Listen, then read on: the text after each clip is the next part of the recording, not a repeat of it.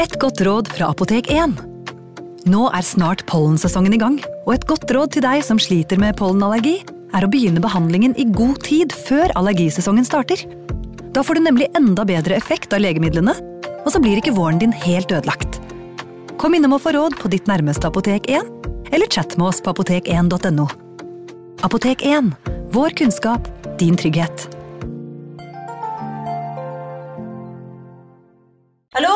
Jeg kommer fra Oslo politikammer. Ine Jansen er purk. Er du purk? The motherfucking bitch. Alt jeg vil, er å finne ut hva som skjedde med mannen min. Jon Carew. Er jeg sikta for noe? Iben Akeli. Det er du. Ole So, Lars Berrum og Big Daddy Karsten. Hvem sin side er du på, egentlig? Anette Hoff, Tone Danielsen, Kommer du fra Afrika? Jørnis Josef, Nesten. Kløfta. Trond Espen Seim, Det er synd å si det, men det var feil mann som døde. Purk. Premiere tirsdag på TV2 Play. Advarsel. I denne podkasten vil du høre historier basert på informasjon programlederne har funnet selv. Programlederne står ikke nødvendigvis inne for meninger og syn som fremstilles. Noen påstander kan avvike fra virkeligheten.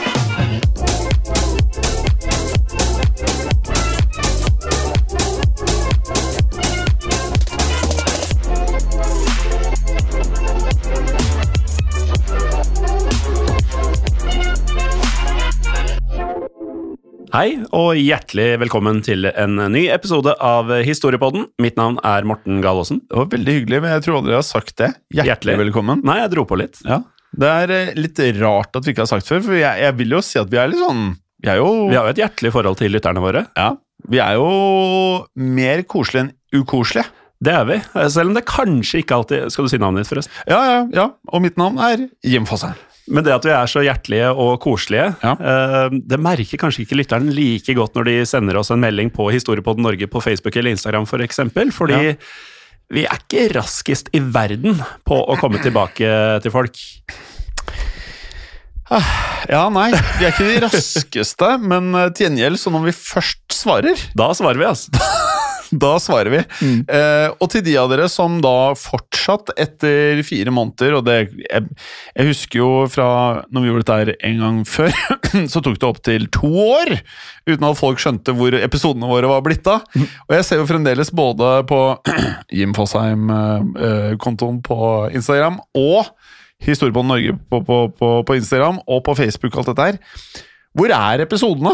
De er på Untold. Yes. Og Untold er en egen app på AppStore og Google Play Store. Ja, Google De burde faktisk bare kalt det Google Store. Apple Ja. Store, Google Store, Google Play Store. Jeg, jeg tror det er et Google Play bare før, Ja. og så har de lagt til et store for å, at folk skal skjønne at det faktisk er der butikken ligger. Da. Ja, Men kanskje bare fjerne Play, for jeg tenker meg at det er spill. Ja, og så tror jeg de har en annen app også, som er sånn Play musikk eller Play film eller noe sånt. Ja. Så det ligger jo to Google Player ved siden av hverandre i mange telefoner. Slitsomt. Ja, veldig slitsomt. Eh, I dagens episode, Morten, så skal vi Vi skal bli litt poetiske i dag. Det skal vi. Um, og jeg må jo si at jeg har gleda meg litt til denne episoden. Jeg føler jeg sier det ofte.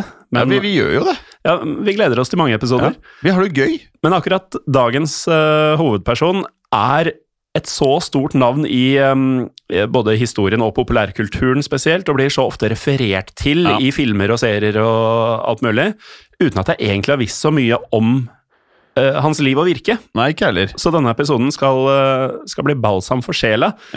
Vi skal eh, bli poetiske, som du sier. Vi skal inn i litteraturens verden. For ja. vi skal nemlig ta for oss det som ifølge mange er en av tidenes største forfattere, Ernest Hemingway. Ja, og som ikke bare har blitt husket for bøkene sine. For Hemingway har nemlig også blitt husket, og blir husket, for å da ha levd et svært innholdsrikt eh, liv, Morten. Og vi kan jo legge til at eh, mange av de vi prater om i disse podkastene våre, både i Storbånden, i Storbånden andre verdenskrig, Gangsterpodden etc., etc., det er jo folk som det skjer ikke lite når du får lov til å, eller når vi lager en hel episode om det. Det skjer ikke lite. Nå hørte jeg forresten du ramsa opp mange podkaster som alle er å finne på Untold. Ja, det stemmer det. Den rosa appen på uh, Apple Store og Google Play Store.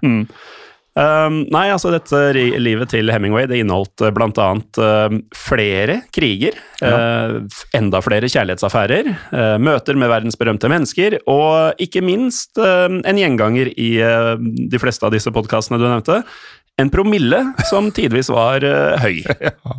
Eh, la oss bare gå rett på sak, så eh, la oss bare da skru klokken og kalenderen, blir det vel. Mm. Ja, man skru alt tilbake til da det hele startet. Som i dag eh, da blir den eh, 21. juli 1899, som var dagen da Ernest Miller Hemingway ble født i den amerikanske delstaten midt i tjukkeste Midtvesten, Illinois. Ja, og før vi begynte med dette jeg trodde han levde for at han ble født for enda lenger tilbake siden. Mm. Han, var så, han er så legendarisk. Ja, og det, vi skal komme tilbake til dette, men det betyr at han er ganske mye yngre i deler av historien enn det jeg har antatt at den var, når den gjorde det og det og det. Samme er. Eh, og så var det da nærmere bestemt i Oak Park, eh, som da er en forstad av eh, Chicago, hvor han da ble født. Og her kom da Ernest eh, til verden som sønn av en lege, nemlig Clarence Edmunds Hemingway. Og en musiker ved navn Grace Hall Hemingway. Og slik vi forstår det, var både Clarence og Grace respekterte medlemmer av lokalmiljøet i Oak Park. Hemingway er veldig pent navn. Mm. Ja. Og Ernest er et passende fornavn til det. Ja. Veldig sånn eh, maskulint og fint. Ja, jeg liker det. Flott navn. Mm. Um, og etter hva vi forstår, da, så var uh, nabolaget et uh, velstående og flott sted å vokse opp. Mm. Uh, og derfor så fikk Ernest en eh, komfortabel oppvekst eh, sammen med det som var da fem andre søsken. Eh, for i tillegg til Ernest så fikk eh, foreldrene eh, døtrene Marceline, eh, ikke navn jeg har hørt før, faktisk, Ursula, Madeleine, Carol og sønnen Leicester, eller Lester. Ja. Og her var Ernest da barn eh, nummer to, etter søsteren Marceline, som Ernest skal ha ligna så mye på at eh, moren Grace begynte å kle Marceline og Ernest ut som tvillinger. Helt til eh, Ernest nærma seg fire år, så sørga Grace derfor for at eh, han hadde langt hår. Og i tillegg så kledde Grace han i det som har blitt beskrevet som typisk feminine klær. Ja. Jeg har faktisk noe som også i gåstegn er typisk feminine klær fra min oppvekst, Mm. som jeg har sett på loftet nå, som jeg har tenkt sånn jeg, jeg trodde det var mamma sine klær når hun var liten. Så spurte jeg brukte du det her. Så nei, det er dine. Å. Så gikk jeg rundt med det her. Uh, ja, jeg gikk med typisk feminine klær sjøl. Men har du en uh, storesøster som disse eventuelt kan ha blitt arva av? Nei. Nei. Nei, det bare Så blei sånn? Det, det er arvegods, ja. Mm. Uh, så mamma kommer fra Gahar. Kanskje det er flere likhetstegn mellom deg og Hemingway når vi går videre? Ja, vi får se. Vi får se. Eh, og siden da eh, moren til Ernest var eh, musiker, så tvang, tvang hun også Ernest til å lære seg instrumentet cello. Som muligens bidro til at Ernest senere i livet skal ha hatt ikke veldig mye til overs for moren. Nei. Uh, feminine klær og tvangslæring av cello. Ja. Men det kan virke som om Ernest kom bedre overens med faren sin, altså Clarence. Clarence tok nemlig Ernest ofte med til skogs, og, og da var det både jakt, fiske og teltturer, noe som gjorde at Ernest utvikla det som ble en livslang interesse for nettopp friluftsliv. Ja, men i løpet av ungdomstiden så fikk Ernest også andre interesser. For eh, som skoleelev så var han eh, nemlig en eh, svært god idrettsutøver. Eh, Han har engasjert seg da i idretter som Det er jo veldig røft, da. Både boksing og amerikansk fotball. Og, Og vannpolo! ja, som også er ganske tøft. Ja, jeg vet liksom ikke. Er det det? Jeg tror det. Altså, For det første, svømming er jo beinhardt. Ja, det er hardt. Og de pælmer jo den ballen Voldsomt. Altså, ja. det, er, det er jo håndball i vann, nesten. Men tror du beina går ned i bunnen av bassenget? Nei. Nei, det gjør ikke det. Nei. Ja, da er det jo knallhardt. Ja, altså, jeg tror ikke det. Nei, jeg tror ikke det heller. Nei. Uh, og I tillegg så spilte han i et eh, skoleorkester sammen med søsteren Marcelin. Ja, og på toppen av dette så ble Ernest også studentjournalist, og da han var ferdig utdanna, så begynte Ernest å jobbe som reporter for eh, avisa The Kansas City Star. Og det var visstnok her at han utvikla en eh, skrivestil som senere ble kjennetegnet hans, og um, akkurat denne skrivemåten den beskrev Ernest eh, senere slik Use short sentences, use short first paragraphs, use vigorous English, Be positive, not negative. Det her liker jeg. Mm. Ja, I hvert fall den siste, be positive, not negative. Ja, det er eller- sånn uh, alle burde leve etter, kanskje. Ja, også korte setninger og korte avsnitt. Ja, ja. Ja. Mm. Og med det sagt så ble mm, Ernest eh, nå innblandet i noe som var særdeles ikke positivt, men negativt. Nemlig i en verdenskrig. Ja, for uh, som kjent så brøt jo første verdenskrig ut i 1914. Det er jo en verdenskrig som vi ikke har en egen podkast om. Nei, vi har bare den til andre verdenskrigen, Mm. som er andre verdenskrig. ja, ja. historie på den andre verdenskrig. Eller WW2. Ja. Også å finne på Untold. Ja. Um, Første verdenskrig ble da utkjempa mellom land som eh, Storbritannia, Frankrike og um, Italia på den ene siden, og Tyskland og det som da het Østerrike-Ungarn på den andre. Mange av de samme landene i begge verdenskrigene. Ja, eh, Mye som skjedde på det samme kontinentet i begge verdenskrigene. Ja, og litt som eh, i annen verdenskrig, så var det slik at eh, da omsider så gikk jo da USA inn på britisk, fransk og ikke som i annen verdenskrig, italiensk side, 1917. Eh, og da forsøkte Ernest å melde seg til krigstjeneste. Men her fikk han da først avslaget, faktisk, ettersom den amerikanske hæren mente at han eh, hadde et for dårlig syn.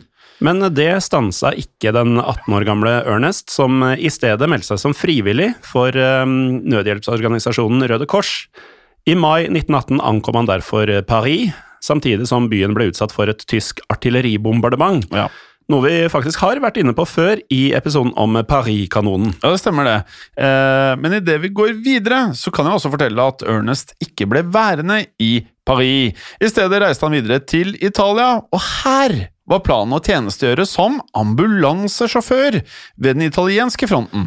Og den fronten strakte seg gjennom Alpefjellene, der italienerne og østerrikerne nå hadde kjempet i årevis. Og da han i juni 1918 ankom byen Milano, Milano. så måtte Ernest for alvor trå til. Ja, og her skjedde det da nemlig en eksplosjon på en lokal våpenfabrikk. Kanskje det siste stedet du ønsker en eksplosjon? Ja, Der ønsker man det faktisk ikke først, og derfor skal Ernest ha bidratt med å da lete etter døde arbeidere i ruinene, som da er jo, viser jo litt helt, heltete, heltete attributter, da. Mm. Og dette beskrev han senere noe sånn som følger. I remember that after we searched quite thoroughly for the complete dead, we collected body parts. Men eh, det tok ikke lang tid før Ernest eh, selv skulle bli såra. Den eh, 8. juli 1918 var han nemlig på vei med mm, sjokolade og sigaretter Ja, til de italienske soldatene ved frontlinja. Typisk nødarbeid. nettopp. Eh, turen ble imidlertid avbrutt da Ernest ble truffet av granatild.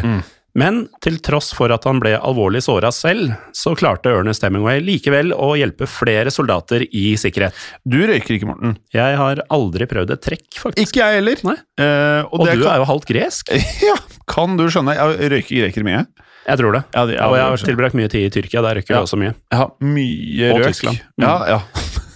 Men uansett, du vet, eh, i f.eks. for eksempel Band of Brothers, og Mm. mye sånn krigsfilmer som er av høyt, høyt, høyt, høyt eh, eh, nivå, så er det veldig ofte du ser soldatene røke. Det Mm. ser så godt ut. Ja, og de, de koser seg med de den koser eh, røyken. Og Også- det, det er jo litt sånn man husker altså Begge mine foreldre var jo eh, røykere, er for så vidt fortsatt. Åh. Eh, og det var litt sånn her kose seg med en røyk-stemning for Ja. alle andre enn de som ikke røyka, da. Ja.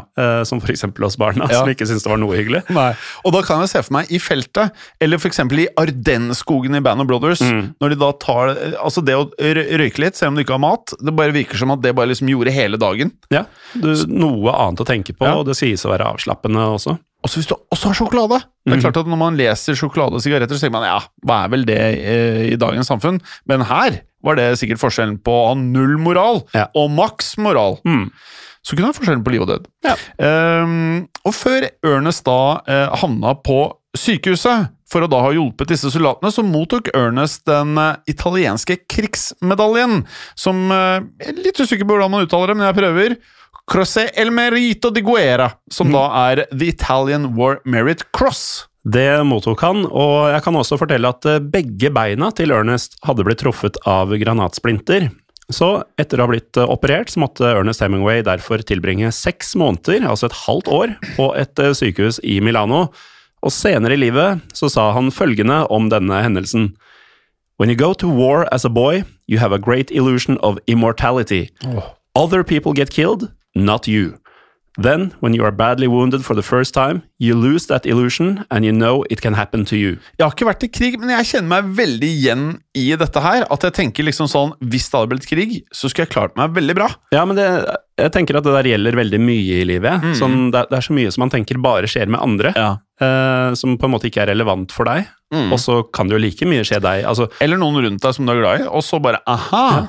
Så det er ekte. Ja, og så for alle andre, så er jo du en del av alle andre, ikke sant? Nettopp. Eh, men det var også ved dette sykehuset da, Morten, at Ernest da møtte sin første store kjærlighet. Så dette besøket var jo nesten litt sånn meningen, da. Måtte jo nesten skje i Italia. Mm. For han forelsket seg nemlig i en syv år eldre, også da amerikansk sykepleier ved navn Agnes von Kurowski. Ikke helt det Amore-navnet jeg forventa å høre i Milano. Nei, det er på ingen måte det. Eh, og da første verdenskrig eh, tok slutt, i november 1918, så ønsket Ernest selvfølgelig å gifte seg med Agnes. Men etter at Ernest ankom USA i januar 1919, så mottok han et brev fra Agnes. I brevet så skrev hun at hun i stedet ville bli i Italia, hvor hun hadde forlovet seg med en italiensk offiser. Uoptimalt for Ernest. Det var uoptimalt, og det gikk naturligvis hardt inn på Ernest. Faktisk så hardt at konsekvensene har blitt beskrevet slik. Agnes. Rejection devastated and scared him. In future relationships, Hemingway followed a pattern of abandoning a wife before she abandoned him. Ja, Så det blir sånn uh, preemptive strikes, da. Som betyr Uh, ja, forebyggende angrep. og det skal vi jo få flere eksempler på senere, men før vi gjør det, så kan jeg fortelle at eh, Ernest igjen begynte å jobbe som journalist i eh, USA. Og her møtte han snart det som ble hans eh, første kone. denne gangen en åtte år eldre kvinne. Han likte dem litt. Ja, ja, ja. Skal ikke ha yngre Ernest. Nei, de skulle være modne. Eh, hun het eh, Hadley Richardson. Ja, som eh, Ernest da giftet seg med 3. september 1921, og han ble så da videre ansatt som utenrikskorrespondent for den kanadiske avisen Toronto Star. Og derfor så flyttet Ernest og Hadley snart til Paris. Ja, Så amerikaneren får seg jobb i en kanadisk avis som utenrikskorrespondent, og flytter da til Frankrike. Ja, Selvfølgelig.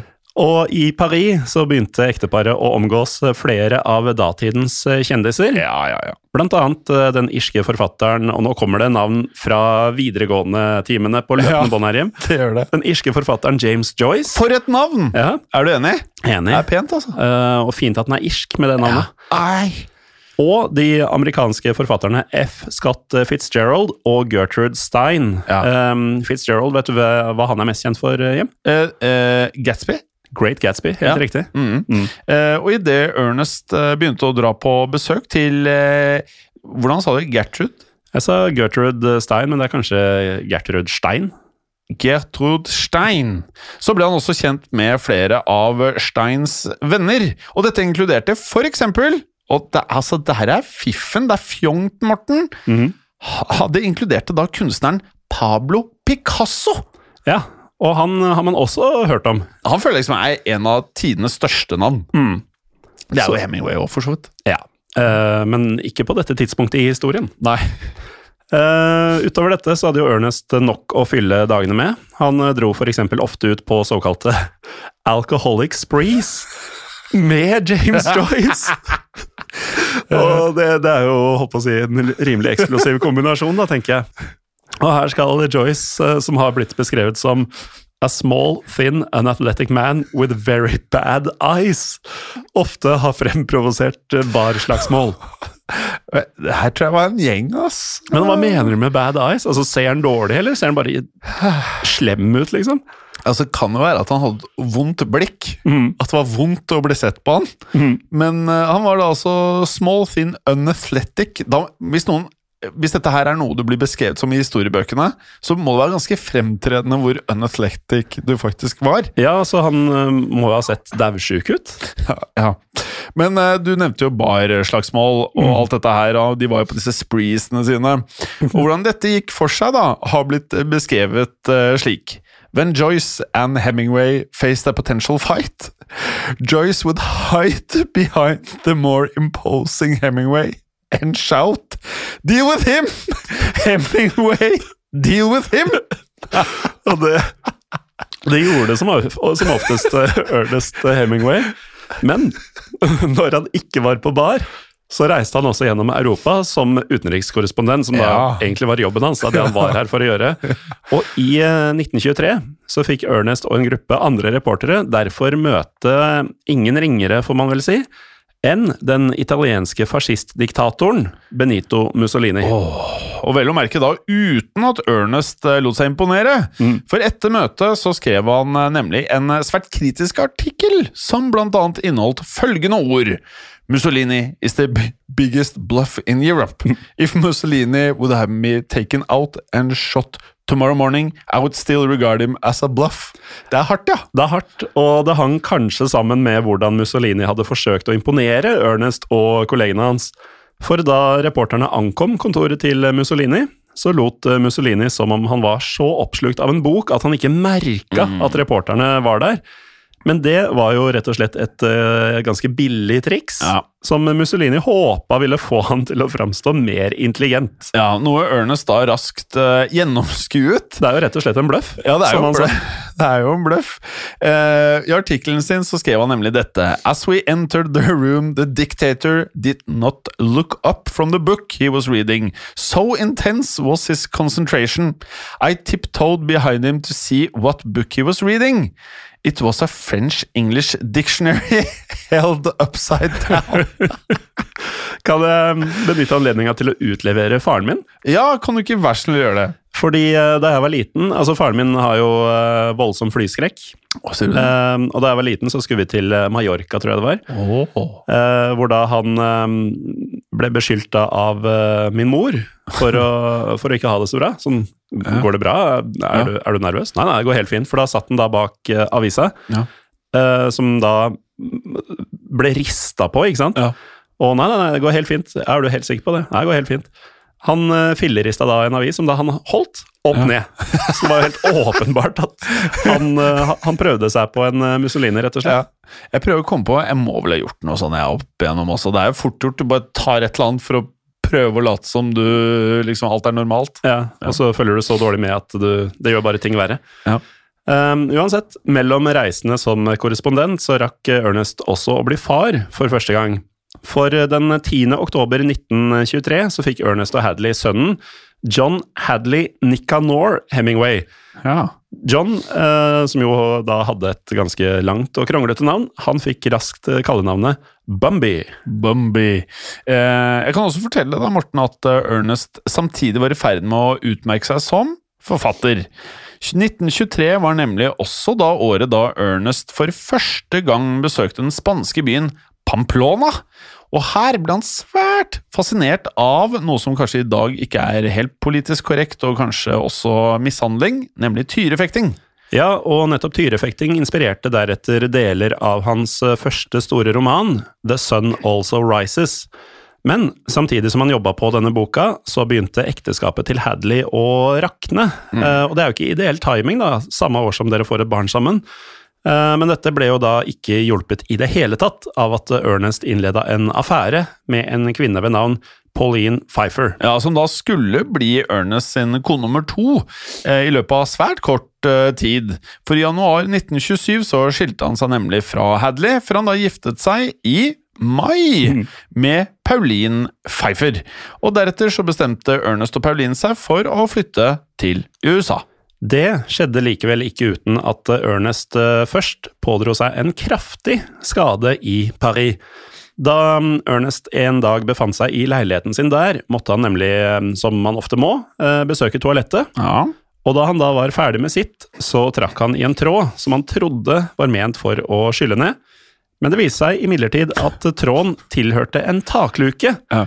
Som eh, dermed smalt ned i hodet på han. Altså, det er veldig tegnefilm. Ja, jeg må faktisk bare Når jeg studerte, jeg studerte i Glasgow, Mm. eh, og da på De har eh, UGC Cinemas, som er et lurer på om eh, UGC Cinemas Glasgow er jeg tror det er ti eller elleve etasjer. Og så er det vel to-tre kinosaler i hver etasje, så jeg tror det er Europas største kino. Mm. Og jeg var jo da på en en eh, eh, og så måtte jeg på toalettet, og så trakk jeg i en snor. Og så viste det seg å være alarm. Var det handikap-toalett? Jeg Sånn husker ikke. Jeg ble liksom? altså så redd at jeg bare beina av gårde ut masse dører. Og så husker jeg ikke lenger liksom hva som skjedde etter det, men jeg så i hvert fall ikke ferdig filmen. Eh, tror jeg. Nei. Så jeg har også trukket i feil eh, snor. Ja. Ja.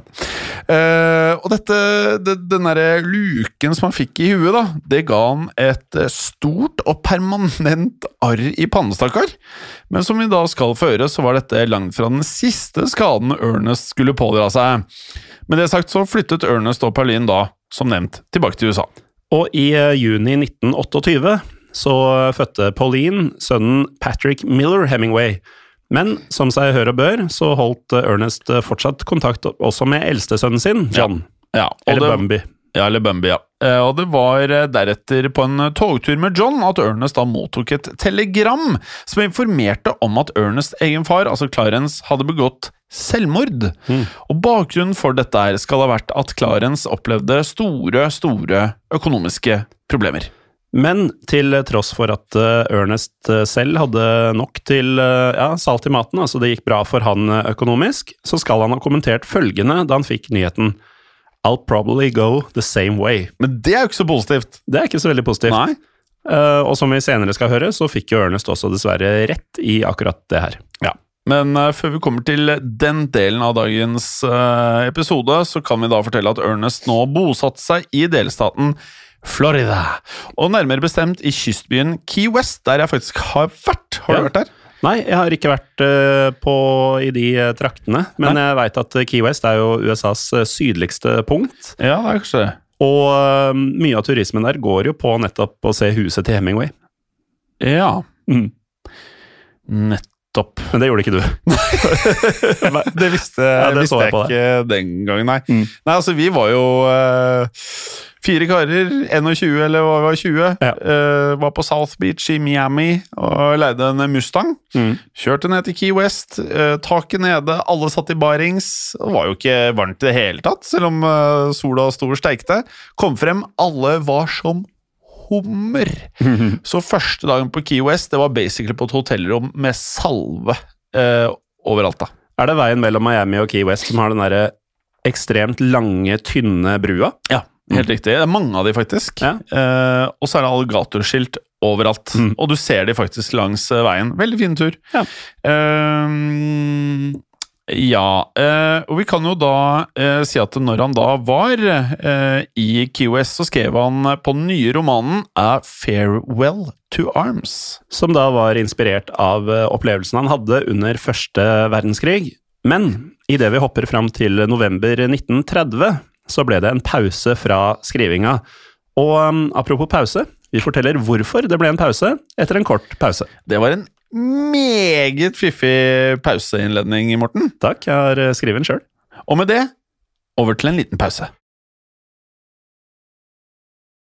Velkommen tilbake. Morten, du tok oss da elegant inn i eh, pausen å fortelle at Ernest Hemingway måtte ta en pause fra skrivingen. Ja, han gjorde det som nevnt det i november 1930. Ja. For um, denne måneden så havna nemlig Ernest i en bilulykke.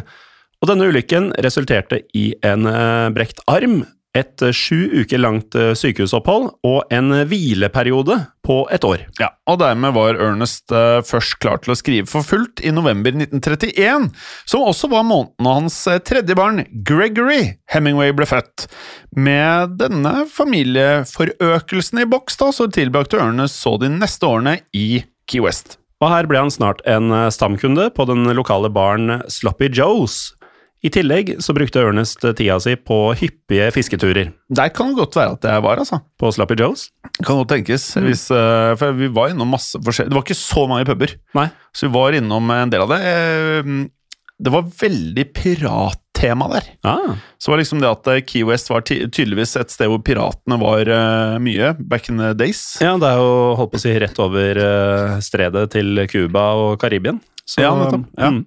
Eh, veldig fint. Eh, men uansett, i eh, 33 så dro han for eh, første gang til Afrika, eh, nærmere bestemt til Kenya, hvor Ernest og Pauline reiste på safari sammen. Men i løpet av turen så fikk Ernest en infeksjon i tykktarmen, og på grunn av dette så ble han da evakuert med fly til nærmeste sykehus. Og det lå i den kenyanske hovedstaden Nairobi. Og um, etter å ha kommet til hektene her, så reiste Ernest og Pauline deretter tilbake til Key West. Ja, Hvor Ernest da kjøpte en båt som han da brukte til å reise ut på fisketur i Karibien. Og det gjorde jeg også når jeg var i Key West. Du har ja. rett og slett uh, vært Hemingway, du? På den turen. Ja, jeg har både dratt i feil snor på kinnet på do. Ja, Det er ikke så mange ting, altså. Men du Eh, fikk ikke infisert tykktarmen på turen? Nei, det har jeg fortsatt ikke opplevd, da. Eh, Men jeg fikk en barracuda i Karibien. Eh, utenfor Key West. Mm. Mm, mm. Eh, med dette sagt, da, så befinner vi oss nå i år 1937. Og på dette tidspunktet så hadde det brutt ut borgerkrig i nettopp Spania. Og På den ene siden av borgerkrigen så hadde man de såkalte republikanerne, og på den andre siden var fascistene, ledet av general Francisco Franco. Og som man kanskje skjønte ut fra møtet hans med Mussolini, så var ikke Ernest Hemingway begeistra for uh, fascister. Eller diktatorer. Nei. Noe som deretter kom til uttrykk igjen da han så reiste til Spania for å dekke borgerkrigen som reporter. Ja, og han tilbrakte eh, både 37 og 38 her. Og han var ved flere anledninger eh, svært tett på flere kamper, etter hva vi kan forstå. Altså, Han har jo fått kjørt seg en del allerede i livet, men han er jo fryktløs. Han er tøffing. Oppsøker farlige situasjoner Ja, altså- gang på gang. Alt fra disse James Joyce-barfightene, hvor han måtte stå foran James Joyce, til krig, altså. Ja. Jeg kommer fortsatt ikke helt over det at det, James Joyce ble omtalt som sånn utrolig skrøpelig. Han ypper til bråk hele tida, så Ja. går det og gjemmer seg bak Hemingway som må ta kampen for han. Men det betyr jo at eh, det lukter en James Joyce-episode. Det gjør det jo. Ja, det gjør jo det. Ja. Uh, uansett, disse kampene som han kom så tett på, da, de um, endte til uh, Hemingways frustrasjon med at uh, fascistene gikk av med seieren. Ja. Men det var også i løpet av tiden i Spania at Ernest møtte det som ble hans tredje kone. Ja, nemlig journalisten og forfatteren Martha Gellhorn. Og da Ernest og Martha møtte hverandre, så ble det nemlig starten på en affære. Og den affæren den fortsatte. Han har, hatt et par affærer nå. Mm. Da Ernest da vendte hjem til USA, og da har vi kommet til 1939. Og idet da ekteskapet med Pauline raknet totalt, så reiste han til Cuba med denne båten han hadde kjøpt. Jeg vil bare skyte inn at uh, nå går jo da ekteskap nummer to uh, i, uh, i toalettet, Yes. eh, mens han har møtt sin tredje kone. Ja, Og har eh, affærer. Jeg vil minne om at han ble født i eh, 1899, så han er da 40 år gammel bare. Ja, det er helt vilt. Idet han skal gifte seg for ja. tredje gang. Ja. Um, uansett, eh, han eh, tok båten sin til Cuba, og der sjekka han inn på et hotell i hovedstaden Havana.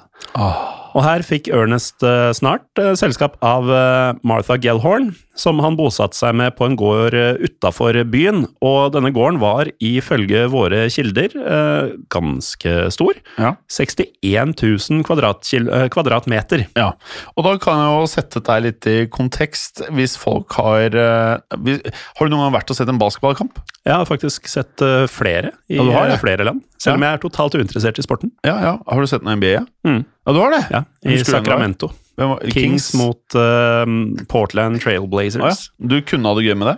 Ja, ja. Kose meg. Mm. Det var uh, 13 dollar for uh, øl. Det var litt stivt, syns jeg. Det var stivt. Men, det var gøy for det. En court da, eller basketballbane, det er jo ikke småsaker. Nei. Nei, det er ikke det. Eh, og denne gården den tilsvarte da 100 ganger størrelsen på en av disse courtene eller basketballbanene som du var på. Mm. Eh, med andre ord så var det nok plass til kjeller, nærmere bestemt katter. Ja, for det har nemlig blitt eh, skrevet følgende om Hemingway. He had been disgusted when a Parisian friend allowed his cats to eat from the table, but he became enamored of cats in Cuba and kept dozens of them on the property. Ja, men eh, det var bare i vinterhalvårene at eh, Ernest da oppholdt seg på den cubanske gården. For somrene tilbrakte han derimot i den amerikanske delstaten Idaho. Ja, altså Han likte i utgangspunktet ikke katter, men hadde dusinvis på gården. Det er kanskje greit at den var ganske stor, eh, den plassen.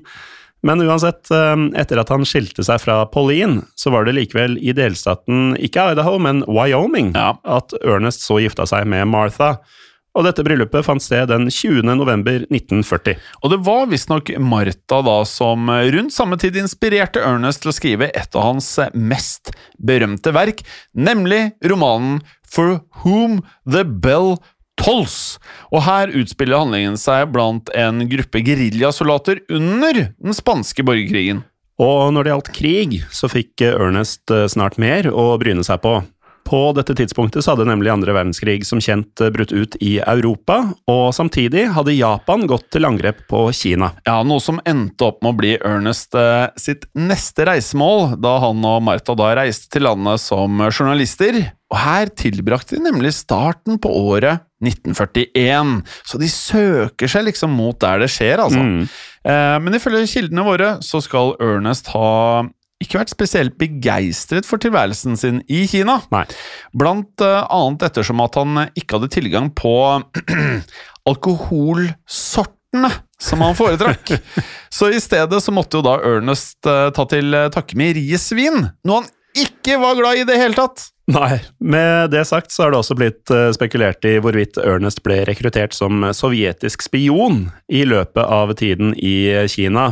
For det har nemlig blitt hevda at han her begynte å jobbe for sovjetisk etterretning under kodenavnet Agent Argo. Ja. Men hvorvidt dette stemmer, har aldri blitt bevist. Men noe som definitivt er sant, er at Ernest og Martha deretter reiste tilbake til Cuba. Altså nå Kina, Sovjetunionen og Cuba eh, på en gang. Det er, jo, Ja. det er jo lov å spekulere i denne rekrutteringa. Eh, Det er ikke ubegrunnede rykter. Nei. Eh, Og her skal da Ernest ha overbevist den cubanske regjeringen, faktisk, om å la han eh, bevæpne fiskebåten sin. Og denne ønsket han nemlig å bruke til å gjennomføre bakholdsangrep mot tyske ubåter. Ja, og det høres jo søkt ut kanskje, men på dette tidspunktet så hadde tyske ubåter blitt sett i farvannet rundt eh, Cuba. Noe som da hang sammen med at eh, USA hadde gått inn i andre verdenskrig på alliert eh, side. Som kjent eh, skjedde det i desember 1941. Og slik vi forstår det, Morten, så skal vel Ernest likevel um, ikke ha fanget noen tyske ubåter, eller sprengt noen tyske ubåter? Det hadde vært godt gjort med fiskebåten. Ja, det, og eh, her må jeg jo si at han eh, var jo veldig sånn opportunistisk. Eh, men siden han da ønsket å oppleve kampen mot nazistene på tett hold, så bestemte han seg for å reise tilbake til Europa. Så i mai 1944 så dro han eh, derfor, eh, og da var han blitt 45 år vel, mm. til London. Og her gikk han igjen i gang med å jobbe som krigskorrespondent, eh, idet han da begynte å skrive en rekke artikler som dekket krigsinnsatsen. Ikke minst så innleda Ernest eh, nok en affære med en kvinne. Ja, dette her, og, og bare tenk, dette er bare det man vet om. Så han har nok jobba øh, i kulissene med andre damer òg, Det altså. kan godt være. Eh, Denne gangen så var det med en gift amerikansk journalist ved navn Mary Welsh, og det fikk naturligvis konsekvenser for ekteskapet med Martha Gellhorn. Som det som regel øh, fikk da for Ernest. Mm. Ehm, så altså, sånn vi forstår det, så var det sånn at øh, eh, hun tok jo da turen til Europa for å jobbe som krigskorrespondent. Eh, men ettersom Ernest da nektet å skaffe henne et eh, pressekort som da ville gjort det mulig å få plass på et fly, så måtte Martha da krysse Atlanterhavet med båt. Og denne båten skal for øvrig ha vært fullastet med sprengstoff. Ja, og her tror kanskje lytterne at de vet hvor det går, Ja. Men eh, Martha hun ankom London omsider. ja. Um, og da hadde Ernest nylig vært i enda en bilulykke. Uh, så derfor Altså Det med sprengstoff ville vært det tilsvarende i en skrekkfilm. Så var det sånn jump scare. Altså sånn uh, Et barn som bare gjemmer seg i et uh, lite telt inne på stuen, som hopper ut, mens du som ser egentlig venter på Mike Myers. Men apropos, altså, Martha må vi virkelig ha villet Ja. dra og dekke denne krigen, hun også, som, som tar den båtturen i stedet. Eh, men jo, eh, Ernest i bilulykke han lå jo da på et eh, sykehus igjen med kraftig hjernerystelse. Ja, Til tross for dette så utviste Martha lite sympati da hun dukket opp på sykehuset. Og her kan vi jo bare spekulere da om Martha hadde fått nyss i Ernests affære med Mary Welsh. Ja, det kan jo i så fall bidra til å forklare hvorfor Martha deretter kalte Ernest en bølle. Ja. Hun eh, ga så beskjed om at eh, ekteskapet deres var absolutely finished. Ja, Og det høres veldig endelig ut, det da. Eh, og etter dette så tok det ikke lang tid før skilsmissen også var et faktum. Men i mellomtiden så kom Ernest seg til hektene igjen, han. Og da reiste han ut for å da dekke D-Day. Ja, som var den berømte invasjonen av Normandie, der allierte styrker kjempa seg i land for å befri Frankrike fra nazistene. Det skjedde, som mange vet, den 6. juni 1944. Og da kunne Ernest Hemingway, som hadde et bandasjert hode pga. hjernerystelsen sin, følge landgangen på nært hold.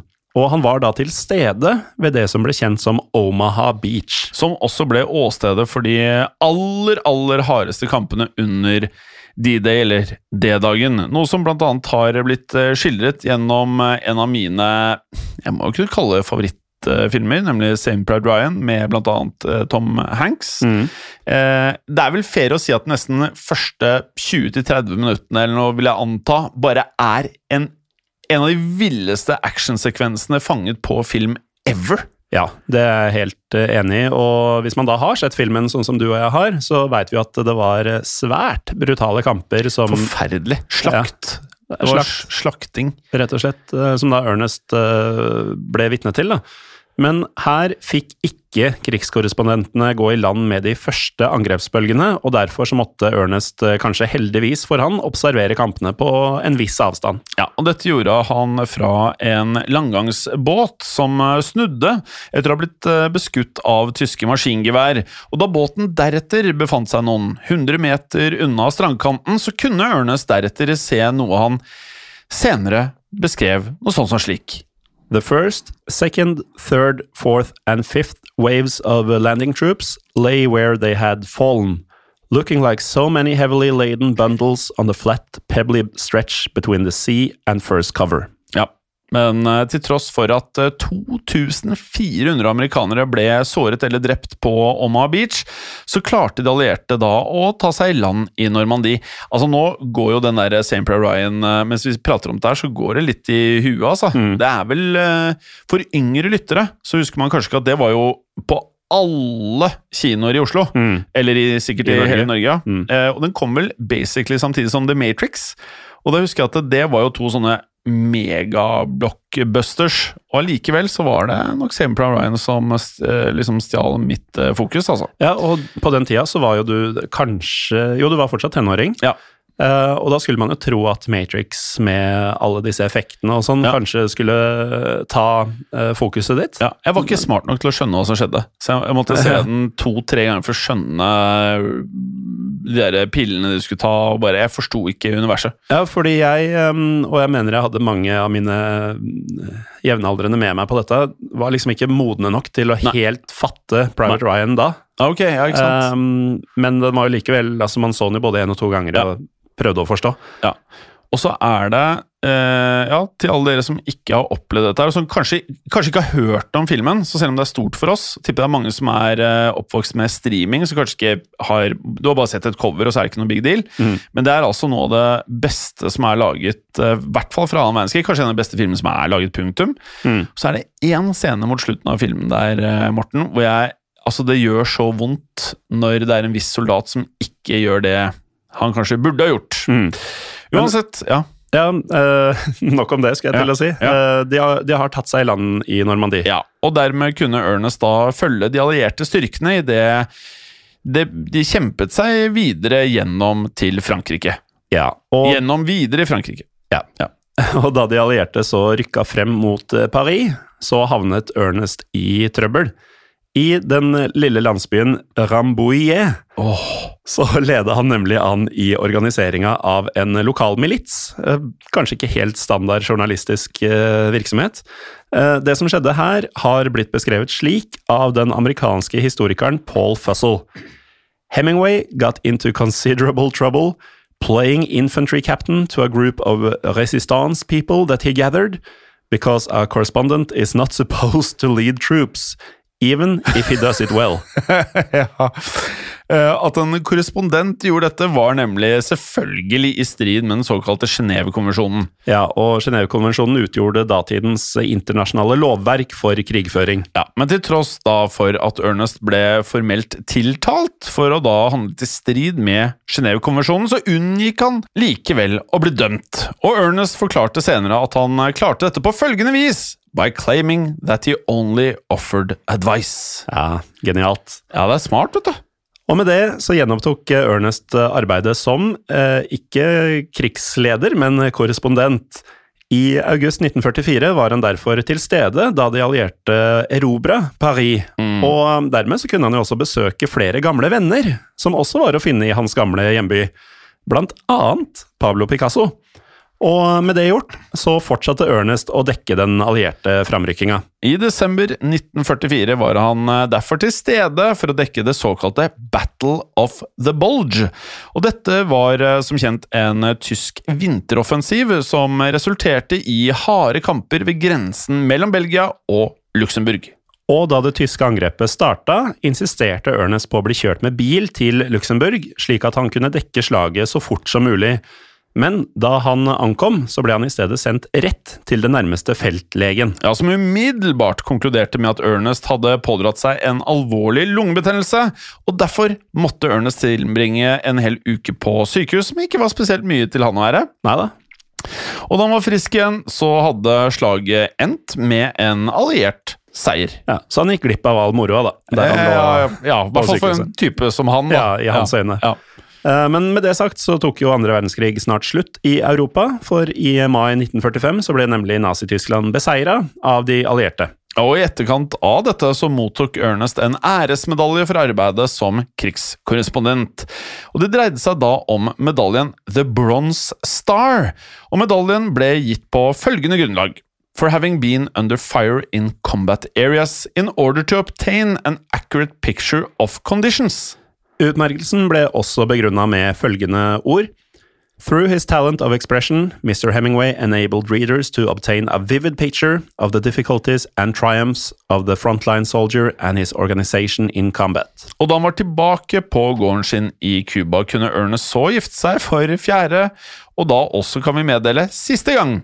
I mars 1946 gikk han nemlig til alters med elskerinnen Mary Welsh. Ja, og det er da det fjerde ekteskapet. Han er 47 år gammel. Ja. Ja. Og det ble starten på et ekteskap som har blitt beskrevet på denne måten. Their temperaments were well suited to one another. While Martha Gellhorn had fought against his efforts to assert his dominance, Mary Welsh wrote, I wanted him to be the master, Oh. to be stronger and cleverer than I, to remember constantly how big he was and how small I was. Oh, ja, ja. Med det sagt så tilbrakte Ernest deretter mye av tiden på Cuba, hvor han fortsatte å dra ut på turer med denne båten sin, da. Noe som til slutt ble inspirasjonen for boken The Old Man and the Sea. Og den boka sørga for at Ernest vant den såkalte Pulitzer-prisen i 1953. Og i 1954 hadde boka også mye å si for at Ernest Hemingway mottok eh, Nobelprisen i litteratur. Men eh, til tross for dette så utviste Ernest ingen tegn til å hvile på noe laurbær. Han satte nemlig av gårde på det som ble eh, flere safariturer i Afrika. I januar 1954 befant Ernest og konen Mary seg derfor i et fly over landet Kongo. Men da de forsøkte å ta fotografier fra luften, kolliderte da flyet med det som har blitt beskrevet som en abandoned utility pole. Så rett og slett en slags stang, Ja, høres det ut som. ja. Um, og da flyet dermed krasjlanda, så brakk Mary to ribbein, mens Ernest nok en gang pådro seg hodeskader. Eh, og det er jo eh, mye bedre enn det man kan håpe på, kanskje, når man først krasjlander med et fly. Men eh, dagen etter ulykken så var ekteparet klart for fight igjen, og gikk derfor om bord på et nytt fly. Ja, slik at de da kunne fraktes til et eh, sykehus i byen Entebbe, eller Entebbe, eller Entebbe. Eh, men dette gikk svært dårlig, ettersom flyet Det er jo stygt å le, da, men det er veldig uflaks, dette her. Ja, det vil seg ikke nå. Nei, det, nå vil det seg ikke, for flyet det eksploderte under takeoff. Og eksplosjonen gjorde at Ernest eh, pådro seg både brannsår og en ny hjernerystelse. Altså, Flyet dag én krasjlander, og du får noen hodeskader. Altså, du kjører inn i en sånn stang. Ja. Dag nummer to så eksploderer flyet mens du sitter på det, og du får brannsår og hjernerystelse. Altså, jeg vil jo si han slipper ganske billig fra det som er ganske dramatiske hendelser. Ja, jeg vil si det også, men eh, flaks i uflaks, da. Ja. Tydeligvis. Um, men det var, det var ikke mild hodeskalle. da. Nei, dessverre ikke, for denne gangen skal hodeskaden ha vært så alvorlig at uh, det da lekket hjernevæske ut av hodet hans, og det høres helt vilt ut. Ja, det, det er jo faktisk helt uh, da, da er du i trøbbel. Da er du i trøbbel. Da Ernest Hemingway omsider ankom dette sykehuset i Entebbe, eller eh, hva det nå heter, så ble Ernest derfor møtt av en rekke reportere. Disse reporterne hadde nemlig møtt opp for å dekke det de trodde var dødsfallet til Hemingway. I stedet for en død, så ble de møtt av en fortsatt levende Ernest, som tilbrakte de neste ukene med å lese sine egne feilaktig skrevne nekrologer. Men kun én måned etter flyulykkene så dro Ernest ut på en fisketur med sønnen Patrick. Noe som eh, også gikk eh, ja, hardt for seg. Det er så sjukt at det bare er en måned etter, etter at det lakk Altså, hjernevæske Altså, ut av huet hans. helt sånn, altså Hadde det vært oss, vi hadde sikkert ligget og jamret i et år. Ja, og antagelig hadde jeg ikke gått på et fly dagen etter at flyet mitt hadde krasja heller. Skal jeg innrømme. Ja. Eh, Men uansett, eh, hard fisketur, ja. Ja. Hør på det her. When a bushfire broke out, he was again injured, sustaining second degree burns on his legs, front torso, lips, left hand and right forearm. Altså, ja, altså Vi har jo hatt flere episoder med folk som åpenbart setter seg selv i enda høyere risiko enn Ernest. Men uh, det er ikke ofte vi har kommet over noen som er, er så i ulykka. Nei, og nå var det jo den fisketuren og to flyulykker på en måned. Ja, det er voldsomt. Eh, eh, kort tid etter dette så oppsummerte konen Mary noen av alle skadene Ernest pådro seg i 1954. Altså bare 1954. De lød som følger. Two cracked spinal discs, a kidney and liver rupture, a dislocated shoulder and a broken skull. Det er ganske heavy ting. Det er ganske heavy ting, og det gjør jo vondt. Ja. Så for å døyve smertene fra dette her, så begynte Ernest, som vi allerede kjenner som en såkalt fungerende alkoholiker, han begynte jo nå å drikke enda mye mer. Ja, og det skulle dessverre prege de neste årene av livet hans, for eh, selv om Ernest fortsatte å skrive, så ble helsen hans eh, bare dårligere og dårligere. I tillegg ble Ernest da offer for flere depresjoner, noe som ikke ble hjulpet da han måtte forlate gården på Cuba. For i 1960 så flytta Ernest og Mary tilbake til USA på permanent eh, basis, og der bosatte de seg i byen Ketchum i delstaten Idaho. Flyttinga ble da delvis forårsaka av at eh, kommunisten Fidel Castro tok makta på Cuba. Deretter så ga Castro ordre om at amerikanske eiendommer på øya skulle overtas av den cubanske staten, og det inkluderte jo da Hemingways gård.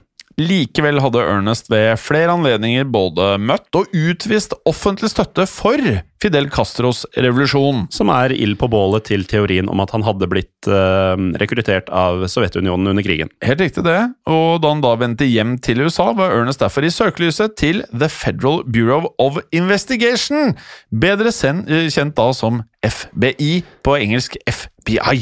Ja, og FBI hadde da overvåka aktivitetene hans eh, helt siden 1940-tallet, for de mistenkte nemlig at Ernest var en kommunistsympatisør. Noe som jo var veldig lite populært i eh, datidens USA, som nå sto midt oppe i den kalde krigen mot eh, Sovjetunionen og kommunismen som ideologi. Ja, etter å ha bosatt seg i Ketchum så ble Ernest eh, deretter overbevist om at han ble overvåket, og han sa derfor følgende til en gruppe med venner. It's the worst hell. They've bugged everything. Everything's bugged. Can't use the phone. My mail gets intercepted.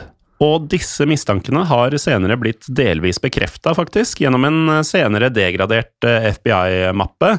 Her sto det nemlig svart på hvitt at eh, Hemingway faktisk ble overvåket. Ja, likevel, både vennene og konen Mary var overbeviste om at Ernest var psykisk ustabil, noe han da utviste klare tegn på, eh, gjennom både kraftig alkoholisme og da denne depresjonen vi nevnte. I januar 1961 sørget Mary derfor for å få Ernest til å sjekke inn på en helseklinikk. Og der var tanken at Ernest skulle motta behandling for lidelsene sine, Men siden dette var på 1960-tallet, så besto behandlinga av elektrosjokkbehandling, noe som bare gjorde syken hans enda verre.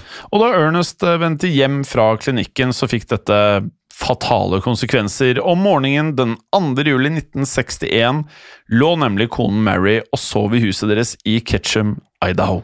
Ja, Vi hadde jo et lite frampek til dette tidligere i episoden. Uh, Mary ble da vekket av et høyt uh, smell som kom fra kjøkkenet. Og da hun uh, gikk for å undersøke, så fant hun liket av ektemannen ja. Ernest Hemingway. Ja, ja. Som da hadde hentet frem en av haglene som han da eide. Og denne haglen hadde han så tatt i bruk for å da ta sitt eget liv. Og dermed døde Ernest Miller Hemingway i en alder av 61 år. Og etter sin død så har han blitt godt huska som en av 1900-tallets aller største forfattere. Og ikke minst så er han jo huska for å ha levd dette særdeles innholdsrike livet som vi har dykka ned i i dagens episode. Ja, og hvis du lytter nå til denne episoden og du tenker ja, han der, han var spennende, jeg ønsker mer info. Eh, så kan vi da nevne at eh, i tillegg til alle bøkene vi har nevnt, så kan vi da foreslå filmen Hemingway and Gellhorn fra 2012, så det er ikke gamle filmen. Nei, eh, denne tar for seg Ernest sitt turbulente ekteskap med Martha Gellhorn, og her spilles disse av kjente fjes. Altså, Ernest Hemingway spilles av Clive Owen, mens Martha spilles av Nicole Kidman. Og Kidman hun har jeg sansen for, altså, på, på, på skjermen. Altså. Du har det? Ja, jeg må si det. Mm. Uh, Far and Away, ja. sett den? Nei. Cruiseren? Uh, nei, tror jeg ikke. Ja, det er uh, De kommer fra Ireland. Ireland? Og så bosetter de seg i USA, for det er jo potato famine mm. i Ireland. Ja. Og så er det det race om å få tak i land. Ja. Åh, for en film! Jeg tror det var da Nicole og cruiseren ble sammen. Ja, sett slikt. Ja, Så den eh, sitter friskt i minnet mitt, ja. Dersom man har andre forslag til Hemingway eller andre relaterte ting, så går det an å bruke Facebook-gruppa vår Historie for alle. Men ikke si James Joyce, for det har vi jo sagt. James Joyce, han blir en episode. Ja, Men kom gjerne med um, ting vi kan bruke til å lage en episode ja, med James Joyce. Ja, nå er du god. Nå er du god. Uh, I tillegg da til Historie på Norge, som vi nevnte tidligere, som vi skal uh, sjekke innboksene til ja. så hyppig vi kan. Ja, ja. Og, og, igjen, for tydeligvis vi har sagt det mange ganger, så jeg bare tenker at vi må, vi må slutte å forholde oss til at vi har sagt det. Mm. Og til alle dere som har fått det med dere, så er det ikke til dere, men til alle dere som da ikke har fått det med dere. Vi lager en episode av Historiepodden og Historiepodden andre verdenskrig hver eneste uke. Mm. Men grunnen til at du da kun ser én på iTunes og Spotify eller hvor du hører på podkast, det er fordi at alt det andre ligger eksklusivt i en app ja. som du må laste ned på, på, Apple Store. Eller Google Play. Google Play Store, mm. ja.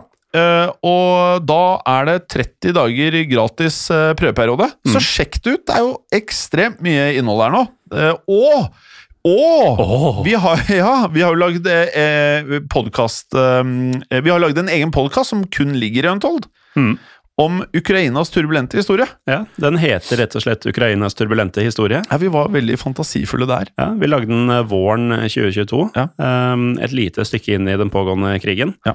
Og den har jo ikke blitt mindre relevant siden da. Nei. Dessverre. Nei, og det Når vi lagde dette her, så Jeg vet ikke hva vi tenkte, men vi bare Det var eh, Vi kom vel inn på dette med at eh, Ukraina har hatt et veldig sånn turbulent eh, Altså, det er, det er, At ett land eller ett område kan ha vært gjennom så mye ting som Ukraina, det var nesten mm. uforståelig når man var ferdig med dette her, altså. Ja, og det kom jo ganske tydelig fram, da. Dette starter jo tilbake i vikingtida eller noe sånt, første ja, episode. Ja, ja. Um, og gjennom da si nesten 1500 år mm. uh, i de seks episodene, så blir det jo ganske tydelig at det er ikke tilfeldig at det er akkurat Russland som invaderer Ukraina, Nei. eller at det er akkurat Ukraina som russerne går etter nå. Ja, og det er heller ikke tilfeldig at det er ikke sånn veldig lett å ta over Ukraina. Nei. Og det er heller ikke tilfeldig at ukrainerne er uh, folk som uh, tåler å ta i et tak, altså. Nei.